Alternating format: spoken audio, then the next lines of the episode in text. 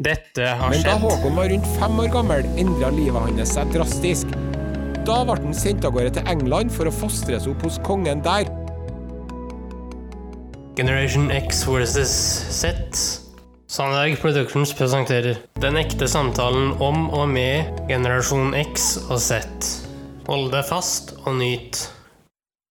Hei, hei, kjære lytter, og hjertelig velkommen til dagens episode av Generation X versus Z. Og i dag, kjære kompan, så skal vi snakke om en eh, norsk konge.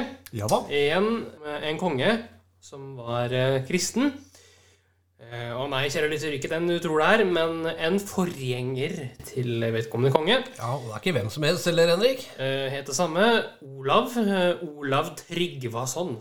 Ingen eh, smågutt det der, nei. Nei, nei, nei, vi skal uh, høre et lite utdrag snart. I et aldri så lite klipp uh, fra vår venn i NRK-systemet. Are Sende Osen der, altså. Ja da. Er det noe spesielt du har lyst til å utdype litt mer om Olav Tryggvason? Eh, ja, han var jo en liten rakker, han, vet du. Han var det, ja. Ja da. Ja, ja. Han begynte som en slave i dagens Estland. Ja. Eh, sto på et torg i Tallinn, og så kommer da onkelen hans eh, fra Russland. Sier ja, 'Jeg er onkelen din. Du er eh, sønnen til søstera mi, og du skal bli med meg'. Så det er tilfeldighetens spill. Ja, veldig. Okay. Alt det her er ren tilfeldighet. Ja. Sånn er livet, men nå skal vi virkelig høre ting som har med vår egen historie å gjøre. Virkelig, altså. Spennende.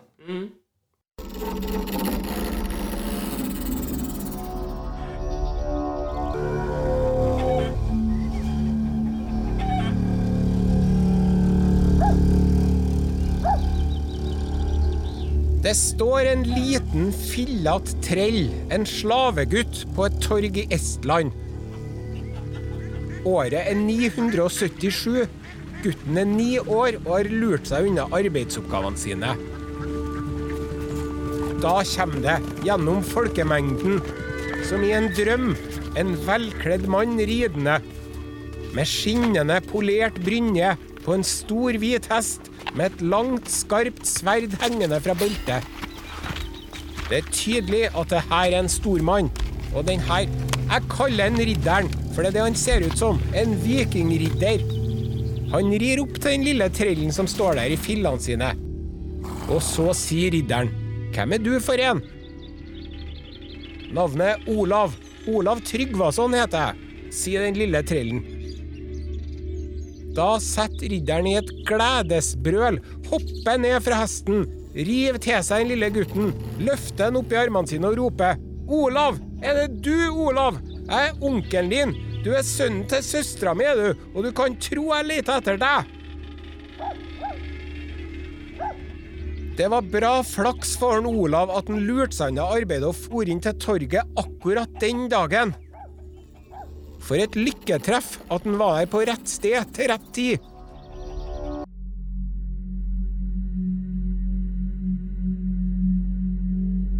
Hvordan i all verden hadde lille Olav Tryggvason endt opp som trell i Estland?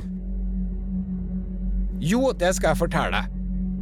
Faren til Olav, småkongen Trygve Olavsson, var blitt drept av Gunhildsønnene mens Olav ennå lå i sin mors mage.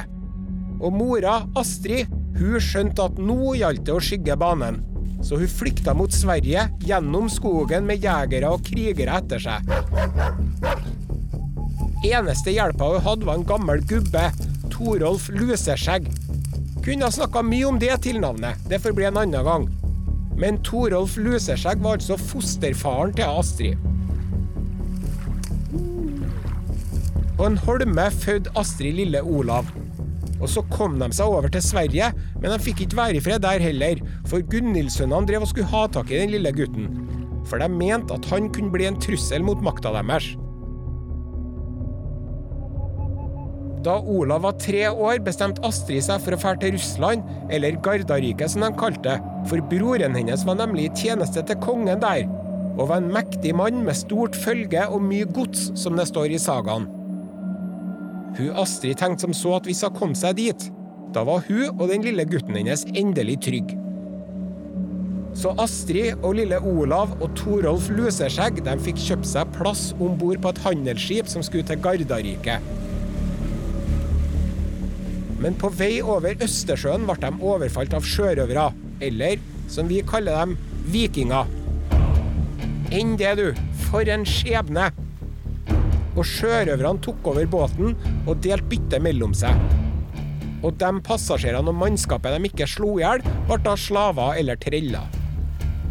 En sjørøver tok Astrid, og en annen tok lille Olav og gamlefar med luseskjegget.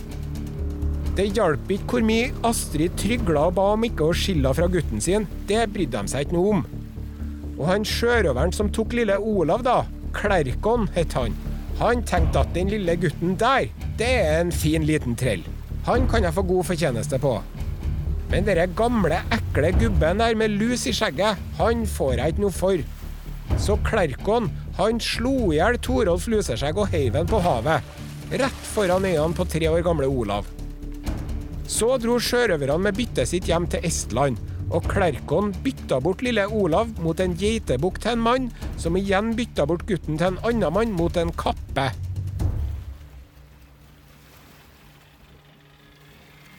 Det her sier jo litt om hvor lite det kosta for en liten slavegutt på den tida. En geitebukk eller ei kappe. Hæ? Riktignok nevnes det om begge byttehandlene at det var ikke noe vanlig bukk, og ikke noe vanlig kappe heller. Det var en god bukk og ei god kappe, står det i sagaen men lell. Etter at Olav Tryggvason ble bytta bort mot den gode kappa, da ble det litt bedre. For han mannen som bytta til seg lille Olav for ei kappe, en bonde, han var en snill mann. Og han behandla lille Olav bra, og var like glad i han som i sin egen sønn, står det. Så Olav hadde godt der. Ja, så godt som en foreldreløs trellunge kan ha det, da. Så det var noe snilt av skjebnen. Og der var han Olav i seks år helt til han tilfeldigvis ble oppdaga av onkelen sin den dagen, på torget i Estland. Og onkelen, onkel Sigurd, han jobba jo for kongen i Gardariket, kong Valdemar. Og onkel Sigurd han løfta lille Olav Tryggvason opp på hesten sin, og så rei de til bonden som eide den lille gutten, og onkelen kjøpte fri Olav dønn, og tok han med seg til hovedstaden i Gardariket, en by som het Holmgard. Så var det en dag ikke så lenge etter at en Olav Tryggvason atter var på torget. Fremdeles ni år gammel, men denne gangen i Holmgard. Og nå hadde ikke han fillete trilleklær på seg lenger. Nå var han pent kledd i ordentlige greier av ypperste kvalitet. Og ei lita øks hadde han òg, hengende i beltet. Da ser han Olav en mann han drar kjensel på. Er det ikke? Nei, det kan ikke være. Jo visst er det det! Det var Klerkon, den estiske sjørøveren som hadde fanget han seks år før og skilt han fra mora med makt og drept han Torolf Luseskjegg. Og nå må du gjette. Hva sa lille Olav Tryggvason til Klerkon? Sa han A. Yippie-ki-yay, motherfucker. B. Say hello to my little friend. Eller C. Hasta la vista, baby. Nei, altså, han sa ingen av delene. Det står ikke noen ting om at han sa noe som helst i sagaen. Og det er faktisk litt synd, for der, altså, gikk en glipp av å levere en fantastisk one-liner. Men det som en gjorde, da, det var ganske tøft, med eller uten snerten replikk. For Olav Tryggvason, han gikk rett bort til en Klerkon, og så tok han øksa si og kjørte den så hardt inn i skallen på Klerkon at den sto langt inni hjernen. Så da døde jo han. Men nå var lille Olav Tryggvason i litt av ei knipe, for den gangen så var det sånn at det var strengt forbudt å drepe noen på torget i Holmgard. Torget var fredlyst. Hvis man drepte noen der, da skulle man drepes sjøl. Antageligvis et slags økonomisk insentiv, dette, for å fremme handel og kommers, altså. At folk skulle kunne kjøpe og selge ting på torget uten å være redd for å bli slått i hjel av en eller annen gammel fiende. Heldigvis så hadde jo onkelen til Olav forbindelser ved hoffet, så de for til dronninga av Gardarike i hu og hast og ba om hjelp. Og hun, dronning Alogia, hun ble jo sjarmert trill rundt av lille Olav. For han Olav, han var så utrolig vakker, sjø.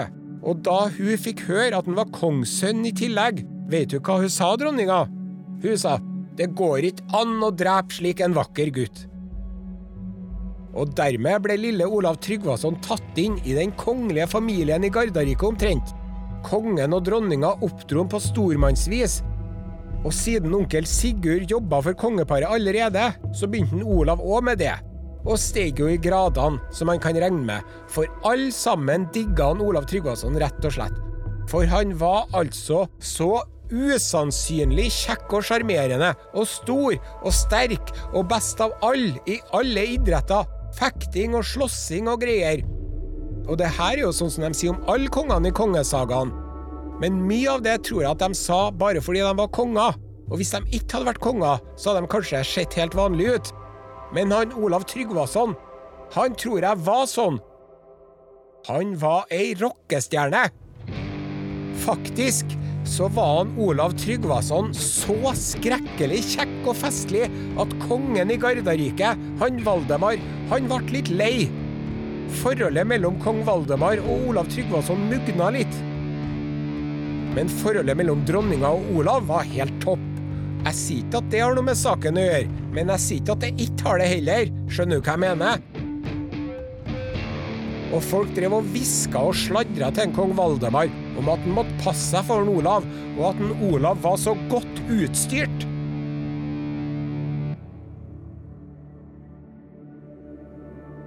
Det står det i sagaen at en Olav Tryggvason var godt utstyrt. Kanskje det er jeg som tenker koffert? Det kan jo ha vært sånn annet utstyr òg, det, da. Sverd og skjold og spyd og den slags. Men samtidig så utrolig pen og vakker og smart og morsom og kjekk og sporty som en Olav Tryggvason var, så skulle det ikke forundre meg om en var godt utstyrt nedentil òg. Uansett så gikk Olav til dronninga og sa at han hadde hatt det helt supert til hun, men at nå måtte han fære hjemover mot Norge. For han Olav han hadde vel antageligvis planer om å bli konge i Norge allerede da. Han mente jo sjøl at han hadde retten til det. Og dronninga sa ja, ha det bra da, kjære Olav, og samme hvor du drar, så kommer folk til å digge deg. Hun sa det. Og så tok en Olav Tryggvason og seilte inn i solnedgangen med skip og menn og herja litt i Østersjøen.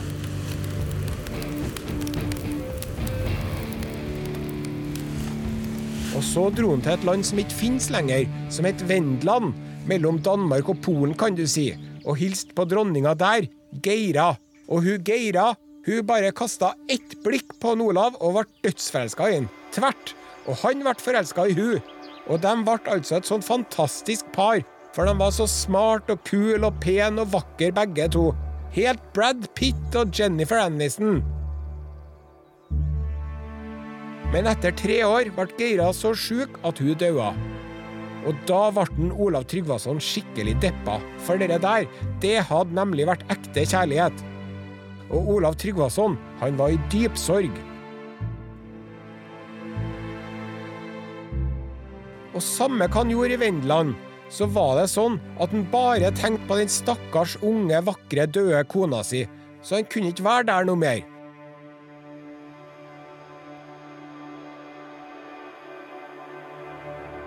Så han sa til seg sjøl 'miljøskifte', og så for han og herja igjen. Og herja rundt omkring. Og det var ikke noe pingleherjing heller, kan jeg fortelle deg. Det er dikta sånne kvad om herjinga til Olav Tryggvason, og de kvadene de burde hatt 18-årsgrense. For der står det at han hogger i hjel noen og lar ulvene drikke brunt blod av andre og hakke hodet av folk fra Flandern.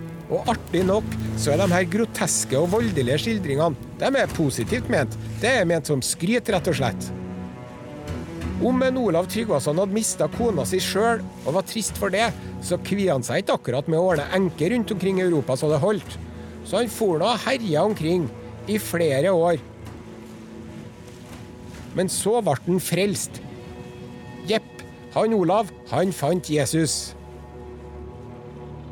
Og det foregikk på denne måten. På ei øy langt ute i havet, sørvest for England, der traff en Olav Tryggvason på en spåmann. En spåmann som det gikk gjetord om, for han var så utrolig god til å spå. Og så spurte han spåmannen kommer det til å bli noe av meg. Og spåmannen sa uh, du kommer til å bli en stor konge og utrette store ting. Og for at du skal skjønne at jeg vet hva jeg snakker om, når du går ut herfra nå, da kommer du til å bli angrepet av fiender og hardt såra, så du må bære som bor i skipet ditt og nesten dø. Men den sjuende dagen, da blir du frisk igjen. Og rett etter at han spåmannen hadde sagt det der, så skjedde alt det som spåmannen hadde sagt skulle skje. Og den sjuende dagen ble Olav Tryggvason frisk igjen. Og da for han til spåmannen og spurte han, hvordan visste du det der? Og spåmannen bare Nei, det var han Jesus, det. Og da ble Olav Tryggvason frelst og døpt seg. Halleluja! Og så for han til England. Og da han kom med hæren sin og skipene sine til England, da fikk jo alt folket panikk og sprang av gårde og ropte 'Nå kommer han igjen!' Dere forbaska vikingrøverkongen. Pass på ungene deres og konene deres og kyrne deres og sauene deres og sølvet deres og run to the hills! Run for your life! Men Olav Tryggvason bare slapp av, alt er chill, mine herjedager er over, nå er jeg kristen og snill. Og folka bare oi, ble jo sjokkert, men gledelig overraska over denne vendinga på tingene, og drev ikke akkurat og protesterte mot det heller. Og mens Olav Tryggvason var i England, så kom det ei enkedronning forbi en dag, ved navn Gyda. Ei ung og vakker og pen dronning. Nå var ikke hun dronning av selveste England, kanskje mer en slags smådronning fra et av rikene rundt. Men i hvert fall, hun Gyda, hun bare kasta ett blikk på Olav. Bokstavelig talt ett blikk. Og så spurte hun vil ikke du gifte deg med meg? Og Olav Tryggvason bare ja, det kan jeg vel saktens. Men så var det en annen stormann som egentlig hadde tenkt at han skulle gifte seg med dritfine Gyda. Han likte jo ikke det i det hele tatt. Så han utfordra Olav Tryggvason til holmgang. Duell på en holme. Og vinneren skulle få brura. Men det skulle han aldri gjort, for stormannen rakk ikke å løfte sverdet sitt heller ut på denne holmen, før Olav Tryggvason slo sverdet ut av hånda hans og banka opp en og jaga han ut av landet. Og så var han Olav i England ei stund sammen med Gyda, men noen ganger dro han til Irland og herja der. Og det var borti Irland at en Olav Tryggvason fikk seg hund. Vige. Og Vige var ikke noe vanlig hund. Å nei, det var en merkelig klok hund. Og den hunden, den ble Olav Tryggvasons trofaste følgesvenn. Ja, kanskje hans aller beste venn og kompis. Hvilken hund var det, lurer kanskje du? Ja, det er ikke godt å si. Folk som har buhund, mener at det var en buhund, mens folk som har irsk ulvehund, mener at det var en irsk ulvehund. Samme det. Superhund, i hvert fall. Men altså, her må vi ta en liten pause. For alt det som står om en Olav Tryggvason i sagaen, det kan man egentlig ikke stole noe særlig på. Historikere og fagfolk de er skeptiske til om det er noe hold i mesteparten. Og det er veldig mye i sagaen som minner om sagn eller eventyr. Dette med sjørøvinga, f.eks., og øksa i skallen på han fyren, og hvordan han ble kristen. Alt dette må du ta med ei klype salt, sier de, historikerne. Men det som de fleste historikerne er enig i, det er at på 990-tallet så var det en vikinghøvding, Olav Tryggvason, som drev og herja rundt i England i flere år. Og denne vikingherjinga, det var virkelig herjing og plyndring satt i system. Og de herja og brant og rana og beleira byer og kidnappa adelsfolk. Og det var rett og slett helt ekstremt. Det var altså som en bibelsk landeplage. Og Olav Tryggvason var nettopp en av de viktigste høvdingene og lederne av denne herjinga. Og noen ganger herja han sammen med den danske kongen, Svein Tveskjegg, og noen ganger herja han uten han. Og den herjinga her, den var så ødeleggende for engelskmennene at de begynte med noe som kalles danegelden, eller danskeskatten. Og det gikk ut på at engelskmennene betalte de her ville, blodtørstige gærningene massevis med penger bare for å få dem til å stoppe med den sinnssyke herjinga si. Den første summen engelskmennene punga ut med, var over tre tonn sølv, som Olav Tryggvason og danskekongen delte mellom seg. Bare noen år etter en ny danskeskatt, denne gangen fem tonn sølv. Fem tonn sølv! Som Olav Tryggvason og danskekongen igjen delte. Og så, etter det, enda en ny danskeskatt, også den på rundt fem tonn sølv. Og nå var Olav Tryggvason ganske så slu og snedig, og kanskje litt sleip òg. For den siste avtalen mellom engelskmennene og vikingene, det var kun mellom Olav og engelskmennene. Danskekongen fikk ikke noe av de sølvpengene der. Olav Tryggvason gribba til seg alt, alene. Og danskekongen, Svein Tveskjegg, han ble skikkelig pissed, og han sverga til seg sjøl at det sviket der, det skal han Olav Tryggvason få igjen for. Men nå var tida endelig moden for at en Olav Tryggvason skulle prøve seg på Norge. Det var jo derfor han hadde samla seg så mye gods og sølv i alle de her årene. Og i sagaen står det at han kommer seilende inn Trondheimsfjorden med bare fem langskip.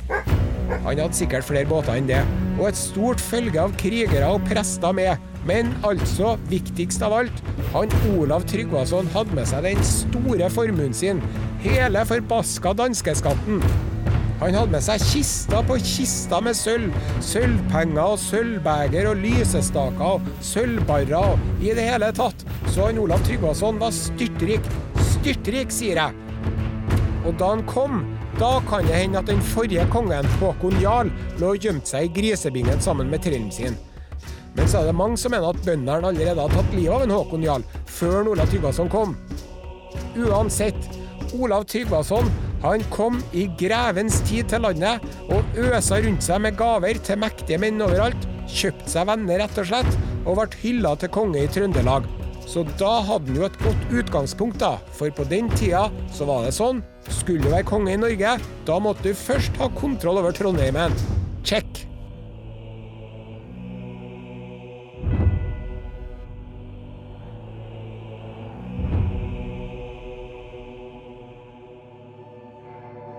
Og så dro han Olav Tryggvason landet rundt og snakka med viktige menn og ga dem sølvpenger og sølvarmbånd og lovte dem vennskap. Og det her var da en kombinert kongehyllings- og kristningsturné. Han var som en kristen rockestjerne og kjendis og idrettshelt. Og overalt hvor han for, så sa han at nå er det Jesus som gjelder, og her skal dere døpes, og vil dere ikke, så skal dere. Helt knirkefritt gikk det ikke. Da Olav kom til Rogaland, kom bøndene til ting, mannsterk og væpna, og var ikke klar for å bli kristen. Men Olav Tryggvason holdt en tale og sa at jo, det skal dere, Jesus er svaret. Men da reiste den mest veltalende av bøndene seg og kremta, og skulle begynne å argumentere mot denne tvangsdøpinga. Men da fikk han ikke fram et kløyva ord, han bare hosta og harka. Gikk ikke an å skjønne hva han sa. Og så tok den nest mest veltalende av bøndene og reiste seg, men han bare stamma. Gikk ikke an å skjønne hva han sa heller. Og så var den tredje mest veltalende av bøndene, men han var så hes at ingen hørte noen ting. Så da ble det sånn som en Olav Tryggvason ville på tinget i Rogaland lell. Nesten som et lite mirakel, det der høres det ut som.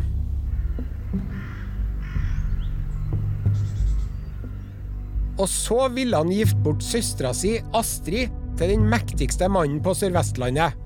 Strategi, selvfølgelig. Maktpolitikk. Men hun Astrid hun hadde ikke noe lyst til å gifte seg med han.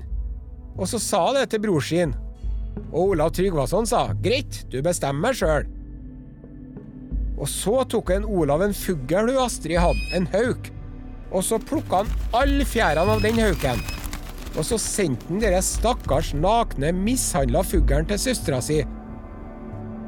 Da sa Astrid nå er bror min vred. Og så gikk Astrid til Olav og sa du, jeg har tenkt meg om. Jeg vil gjerne gifte meg lell, om tilbudet fortsatt står ved lag. Og så ble det sånn. Nå satt den Olav Tryggvason ganske trygt i sadelen, for å si det sånn. Så nå for han rundt med en bibel i den ene hånda og et sverd i den andre, og så fikk folk velge, da. Spesielt hard var han med såkalte seidmenn. En seidmann, det var en trollmann som seida og galdra, drev med svart magi. Og han Olav Tryggvason, han hata seidmenn. Kom han over noen seidmenn, da sleit de. For eksempel så kunne han låse dem inn i ei stue og tenne på stua. Eller så gjorde han med dem som han gjorde med seidmennene på Skratteskjær i Rogaland. Han tok en gjeng med seidmenn og bandt dem, og så tok han dem ut på et skjær mens det var fjerde sjø, Skratteskjær. Og så lot han dem vente på floa. Så de drukna nå, dem, da. Han Olav Tryggvason Han kunne ha lært bort et triks eller to til Jehovas vitner, og de folkene der som ringer på døra di innimellom og spør om du har hørt gledens budskap. For hvis en Olav Tryggvason kom og banka på døra di, da var det best å si kom inn, kom inn, jeg vil gjerne høre om en Jesus, jeg skal se om jeg har noen småkaker å sette fram òg, jeg. For han hadde overtalelsesevnene i orden, for å si det sånn. Det var én mann. Han fikk satt et vaskefat full av glør på magen til magen sprakk. Og en annen mann. Først stakk de en orm nedi halsen på han, og så en glødende jernstang. Andre som ikke ville bli kristna, de ble lemlesta eller revet i filler av olme hunder, eller kasta utfor høye fjell.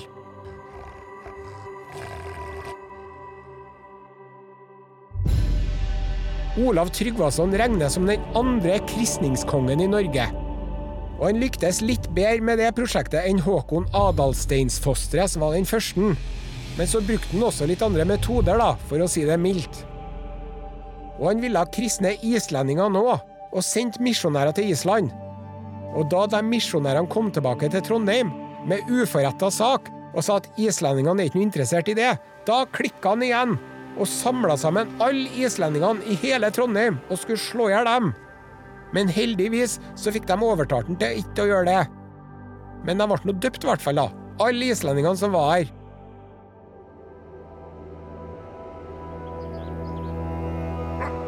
Innimellom tvangskristninga fikk en Olav Tryggvason lyst på ei kone. Ja, men var ikke han gift fra før, da? Hun dronninga han hadde truffet i England, vakre Gyda. Ja, veit ikke hva som skjedde med hun. Hun var nå ikke med til Norge, i hvert fall. Sikkert daua. Han Olav Tryggvason, han hadde ikke noe flaks med damene, nemlig. Uansett hva som skjedde med Gyda, nå ville Olav ha seg en ny kone. Først prøvde han seg på dronning Sigrid i Sverige. De drev og brevveksla litt, og så sendte Olav en svær, flott gullring til Sigrid som gave. Og det er litt artig, for den gullringen der, den hadde han tatt fra hovet til en Håkon Jarl da han reiv ned det. Et hov, det var da et hedensk gudshus. Og der hadde sikkert Håkon Jarl ofra den ringen til sin egen personlige favorittgudinne Torgerd Helgabrud. Den hang nå på døra på hovet til en Håkon Jarl, den der store gullringen. Et praktstykke. Og gullringen ble som sagt sendt til dronning Sigrid i Sverige. Men så var det to smeder som var til dronninga, og de drev og hviska og tiska og tok på gullringen og løfta på den og mumla til hverandre. Og dronning Sigrid lurte på hva de drev og mumla om, og de ville ikke si noe. Men så sa Sigrid jo, si meg hva det er nå, da. Og så sa de at den gullringen der, den er falsk. Og så knakk de sund gullringen, og tror du ikke det var kobber inni? Og det kunne jo ikke Olav Tryggvason vite, han hadde jo handla i god tro. Men dronning Sigrid ble skikkelig sur. Men lell så var ikke hun helt uinteressert i å gifte seg med en Olav Tryggvason. Og da de møttes, da, kong Olav og dronning Sigrid, og forhandla om at de skulle giftes, så var alt i orden, helt til Olav Tryggvason sa ja, og så må du døpe deg og bli kristen. Men Sigrid bare nei, det skal jeg ikke. Og det vet jo vi nå, at var det én måte du kunne sterre opp kong Olav Tryggvason på, så var det å ikke bli kristen når han sa at du skulle bli kristen. Så da Sigrid sa nei, da klikka det for han rett og slett, og så sa han tror du jeg vil ha deg hedensk som en hund? Og så slo han henne i ansiktet med hansken sin. Og da sa Sigrid dere skal du få angre deg på. Og så ble det ikke noe av det giftermålet, for å si det sånn. Så han Olav Tryggvason, han for nå rundt og kristna folk i Norge. Og i Trondheimen slo han i hjel en mann som het Jernskjegget, som ikke ville kristnes. Men han Jernskjegget, han var en så viktig mann at drapet på han gjorde at det ble veldig dårlig stemning i Trondheimen. Så Olav drev og forhandla med vennene til han Jernskjegget om de ikke kunne komme til ei ordning og bli venner igjen. Og så avtalte de at Olav Tryggvason skulle gifte seg med dattera til en Jernskjegget, Gudrun. Og så gifta han seg med hun. Men den natta, altså bryllupsnatta, da han hadde sovna, Olav Tryggvason, da trakk Gudrun en kniv og skulle stikke han med den, sikkert for å hevne far sin. Men heldigvis så våkna Olav Tryggvason og tok kniven fra henne og gikk til mennene sine og sa dæven, gutta. Og Gudrun kledde på seg og dro sin vei og kom aldri mer i samme senga som Olav Ståle i sagaen.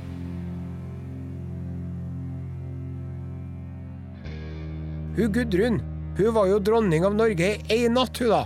En slags norgesrekord. Har jeg nevnt det tidligere at Nola Tryggvason hadde uflaks i kjærlighet? Men han hadde jo hunden sin, da. Vige, som han var så glad i. Og så hadde han så fine skip.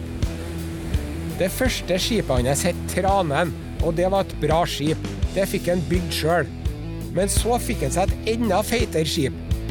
Det hadde vært skipet til han fyren som en stakk først en orm, og så en glødende jernstang nedi halsen på. Det skipet het Ormen. For når seilene var opp, så de ut som vingene på en drage, altså en orm. Og han Olav, han elska å være på sjøen. Han var glad i båtliv. Og når mennene hans rodde Ormen, da gikk en Olav Tryggvason på årene utabords. Og så drev han og sjonglerte tre sverd samtidig, sånn at ett alltid var i lufta. Og kasta to speed samtidig kunne han og greier og greier.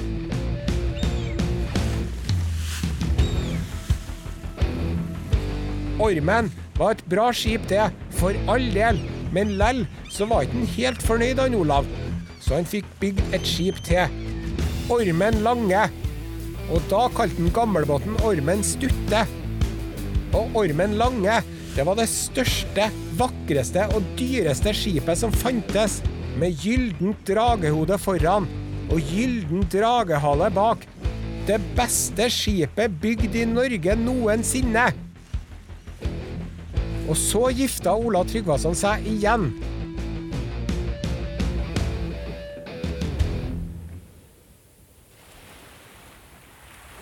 Og altså, han hadde jo vært gift tre ganger før. Med ei dronning av Vendland og dronning Gyda og ei høvdingdatter fra Trøndelag i én natt. Og så hadde han jo prøvd seg på dronninga av Sverige, men det skar seg. Nå var det ei dansk prinsesse, Tyra. Prinsesse Tyra hun var søstera til danskekongen Svein Tveskjegg. Og hun var blitt tvangsgifta bort til en konge borte i Vendland, faktisk. Som en del av noe dansk storpolitisk spill. Men han kongen av Vendland han var så gammel og heslig og hedensk at hun Tyra sultestreika i sju dager før hun rømte. Og kom seg til Norge, og kom til kong Olav Tryggvason, og var tatt godt imot av han. Og hun Tyra, hun talte godt for seg, står det, og var en vakker kvinne i tillegg. Og han Olav Tryggvason tenkte at sjå der, du, dansk prinsesse, det hadde vært noe. Så de gifta seg om høsten, og den vinteren var alt bare velstand og helt supert. Men stakkars Ola Tryggvason, vet du, han hadde jo uhell i kjærlighet. Så utpå våren, da begynte Tyra å klage og bære seg. Det var et stadig mas om all tingeren og medgifta hennes i Vendland. Og hun eide jo ingenting i Norge, sa Tyra, og det sømma seg ikke for ei dronning som hun. Og det var gråting og hyling og tennerskjæring og jammer, vær så snill å hente det som jeg eier. Men alle kongens rådgivere sa nei, det må du finne på å gjøre. Du må ikke fære ned i Østersjøen og rote, for der hersker jo danskekongen. Og danskekongen er jo ikke fornøyd med at du har gifta deg med søstera hans uten å spørre først. Og han er jo ganske sur på deg fra før, etter det stuntet du kjørte på han i England, da du ordna en avtale med engelskmennene uten å ha med han, og stakk av med fem tonn sølv. Som om ikke det var nok, så hadde jo svenskekongen blitt fienden hans i tillegg. For svenskekongen hadde i mellomtida gifta seg med den svenske dronninga Sigrid, husker du hun? Det var hun som en Olav hadde slått i ansiktet med hansken og kalt for en hund. Så nå var både svenskene og danskene imot den. Så han hadde ikke så veldig lyst til å fære ned til Østersjøen og styre han Olav Tryggvason. Og det skjønner jeg veldig godt. Men så var det en dag tidlig på våren at kongen gikk på gata i Nidaros. Og så traff han en kar som solgte noen planter som var veldig populær blant vikinger. En plante som heter kvann. Og unnskyld meg, men jeg er så opptatt av kvannplanter, sjø. Kvann! Grønne blader, små hvite blomster, full av antioksidanter. Det er en super plante som du kan spise alt av. Røttene og stilken og bladene og bærene. Veldig sunn og fin plante. Og de kvannene mannen hadde, de var så usedvanlig store og fine for årstida, så kongen kjøpte en kvann og gikk hjem til dronning Tyra som satt og stura, og så gikk en Olav bort til kona si og sa Se fine kvannstilken jeg har til deg.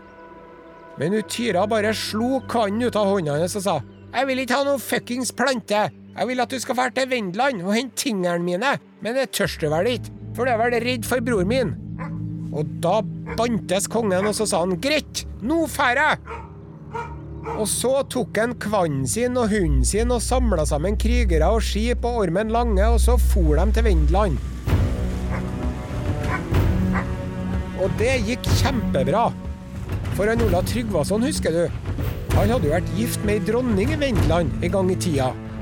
Og kongen i Vendland han var underlig nok ikke sur på Ola Tryggvason i det hele tatt, sjøl om brura hans hadde drømt å gifte seg med Olav i stedet. Og Ola Tryggvason fikk tingene han ba om, og ble der hele sommeren og kosa seg med gamle venner og kjente. Så det var topp stemning. Og så skulle han hjem igjen, og takka for seg og la på vei, Olav med flåten sin og hæren sin. Og så kom de til en plass som heter Svolder. Og Svolder, det er ingen i dag som vet sikkert hvor det er hen. Men i hvert fall. Der lå de og venta på han i bakhold, de verste fiendene hans. Danskekongen, Svein Tveskjegg, en slags dødsfiende av en Olav. Svenskekongen, mannen til hun hadde slått med hansken og kalt for en hund. Pluss sønnen til Håkon Jarl, Eirik Jarl, som mente at det var han som burde styre over Norge, og ikke dumme Ola Tryggvason. Og dette trekløveret lå og venta med skipene sine, og de var mange flere enn Olav med hans menn. Og da Olav og dem så at det kom masse skip mot dem, da sa folkene til Olav nå må vi stikke av, herre konge, det går ikke an å kjempe mot en sånn overmakt. Men det var han ikke noe interessert i å høre noe snakk om han Olav Tryggvason. Han sa ta ned seilet, her skal ingen stikke noen sted. Jeg har aldri flykta i noen kamp og har ikke tenkt å begynne i dag. Gud bestemmer over mitt liv, og på flukt kommer jeg aldri. Og så kom de mot dem, danskene, svenskene og nordmennene. Og Olav Tryggvason så på danskene og sa Hvem er dere folkene i midten der? Det er danskekongen med danehæren. Ha! sa Olav Tryggvason. Dere blautingene der er ikke jeg noe redd for. Men hvem er det som kommer på høyresida? Det er svenskekongen med Sveahæren. Dobbelt ha, sa Olav Tryggvason. De burde ha holdt seg hjemme og slikka blodbollene sine heller enn å slåss med oss. Men enn dem som er på venstresida for danskene, det er Eirik Håkonsson Jarl. Ai, ai, ai, sa Ola Tryggvason. Der blir det trøbbel. De er nordmenn, sånn som oss. Ja, det er nesten så man blir rørt, altså. Og du kan si mye rart om en Ola Tryggvason, men modig, det var han altså. Og så begynte slaget. Og de drev og sloss og sloss. Og kampen var mer enn vanlig kvass, og det falt en mengde med menn. Men han var jo voldsomt overmanna, han Ola Tryggvason. Og til slutt så hadde han bare ett skip igjen, og det var Ormen Lange. Omringa av dansker og svensker og mennene til Eirik Jarl.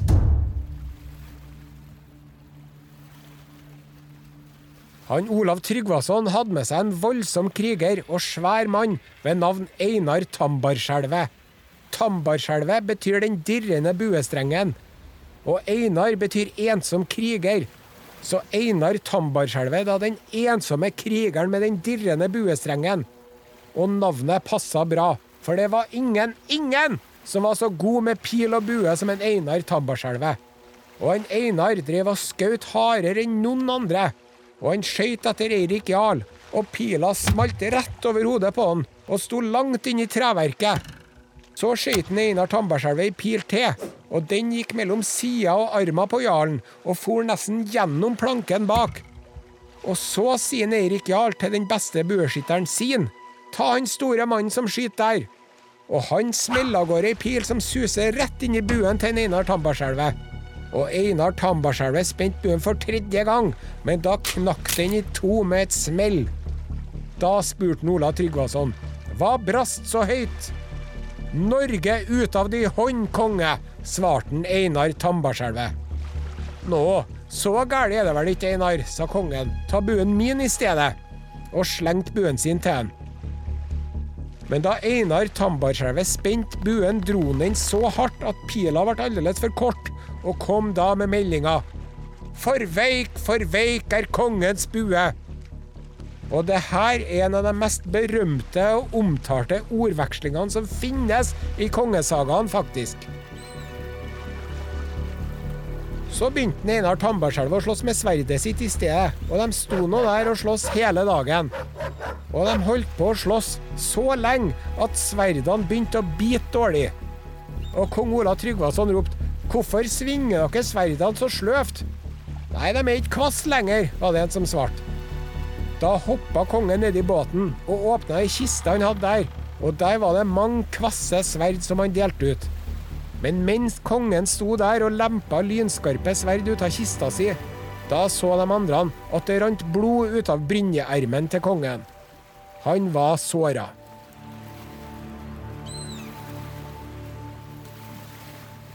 Så det gikk nå som det måtte gå. Ormen Lange ble overmanna. Til slutt var det bare en håndfull menn igjen bakerst i Ormen Lange, og hunden Vige lå under dekk. Og det siste de så til kong Olav Tryggvason, var at han tok skjoldet over seg og hoppa på sjøen.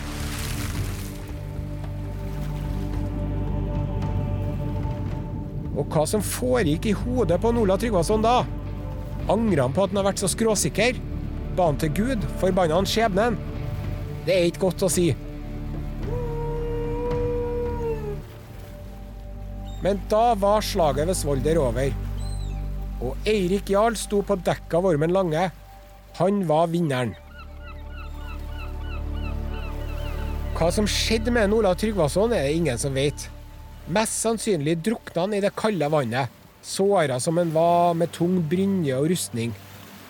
Men han fant aldri liket, så etterpå ble det litt med Ola Tryggvason som det er med Elvis. Folk flest mener at han er død, men ganske mange sier at nei, nei, kongen er ikke død, nei, han lever. Det er noen som sier at han dro av seg brynja under vann og kom seg unna. Men det blir litt for mye som et eventyr igjen, syns jeg, såra som han var og alt mulig. Alt taler for at Olav møtte sin skjebne ved Svolder. At det gikk som Gud hadde bestemt, ville vel Olav sjøl ha sagt. Hvordan det nå enn var, kom en Olav Tryggvason seg aldri tilbake til Norge, skriver Snorre, og det må vi nå tro på. Men kongens hund kom seg tilbake. Vige ble med Ormen Lange hjem til Norge, og det første som skjedde da de kom dit, var at Vige sprang i land oppå en haug, og der lå han til han var død. Hunden Vige døde av sorg og savn.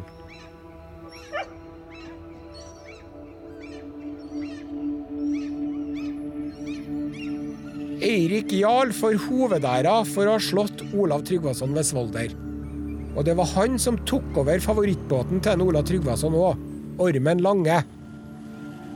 Han Eirik Jarl fikk satt skipet i stand og reparert det, men han fikk aldri ordentlig dreisen på styringa av det svære skipet.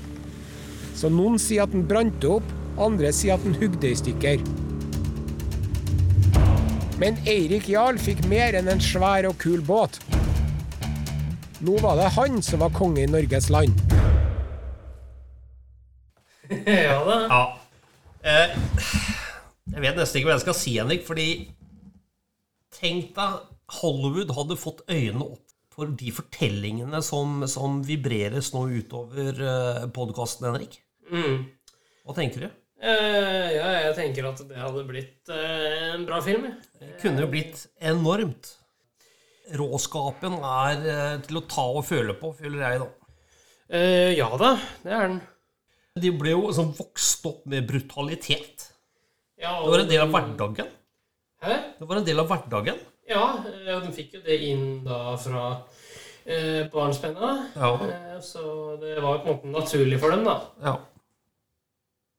Men det er eh, veldig interessant og ikke minst spennende. Og Are han er jo fantastisk forteller. Eh, men eh, nå så skal vi videre til et eh, fast innslag.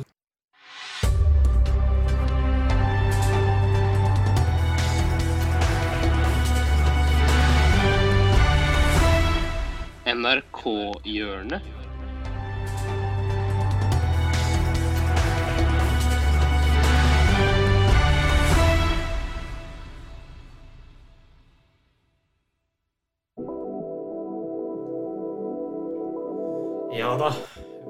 Er der nå, vet du.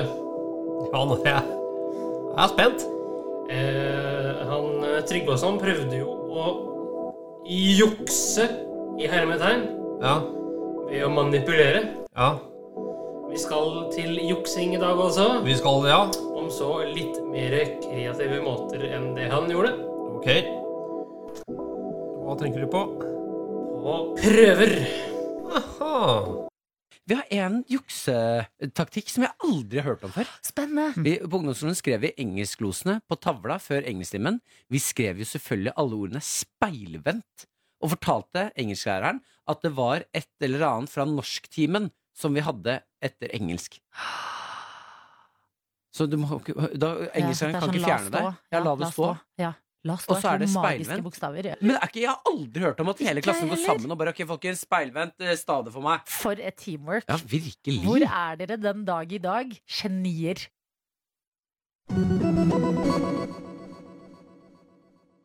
Ja, det, det kaller jeg godt eh, Det er ikke bare godt samarbeid, Henrik. Det er godt samspill. Ja, du og det samspillgreiene dine. Vi skal vel mer inn på det i februar, skal vi ikke det, da? Det skal vi. Så neste uke, kjære kompan, så kan Ja. du bare si litt om hva du skal ha, da? Jo, jeg eh, skal fortsette kongerekka, og vi skal høre om en som Det er utrolig at den personen ikke har kommet mer fram i lyset. Ja, det å kalle vedkommende en konge er vel å ta litt hardt i, er det ikke det? Nei, egentlig ikke. Jeg vil kalle han eh, konge. Han ville kun kalle seg for, for jarl, altså ladejarl. Men eh, i realiteten så var han en konge. Over ikke bare eh, Norge, men eh, helt mot slutten av sitt liv også eh, store deler av England. Fornavnet er Eirik. Herlig å ha pod sammen med deg. Jo, takk det samme, du. Tusen takk skal du ha, Henrik, og på gjensyn. På gjensyn. Tusen takk for at du fulgte oss. Gi gjerne tilbakemelding, likes eller kommentar på Facebook-siden vår Generation X versus Z. Velkommen igjen til neste podkastepisode. Hei då!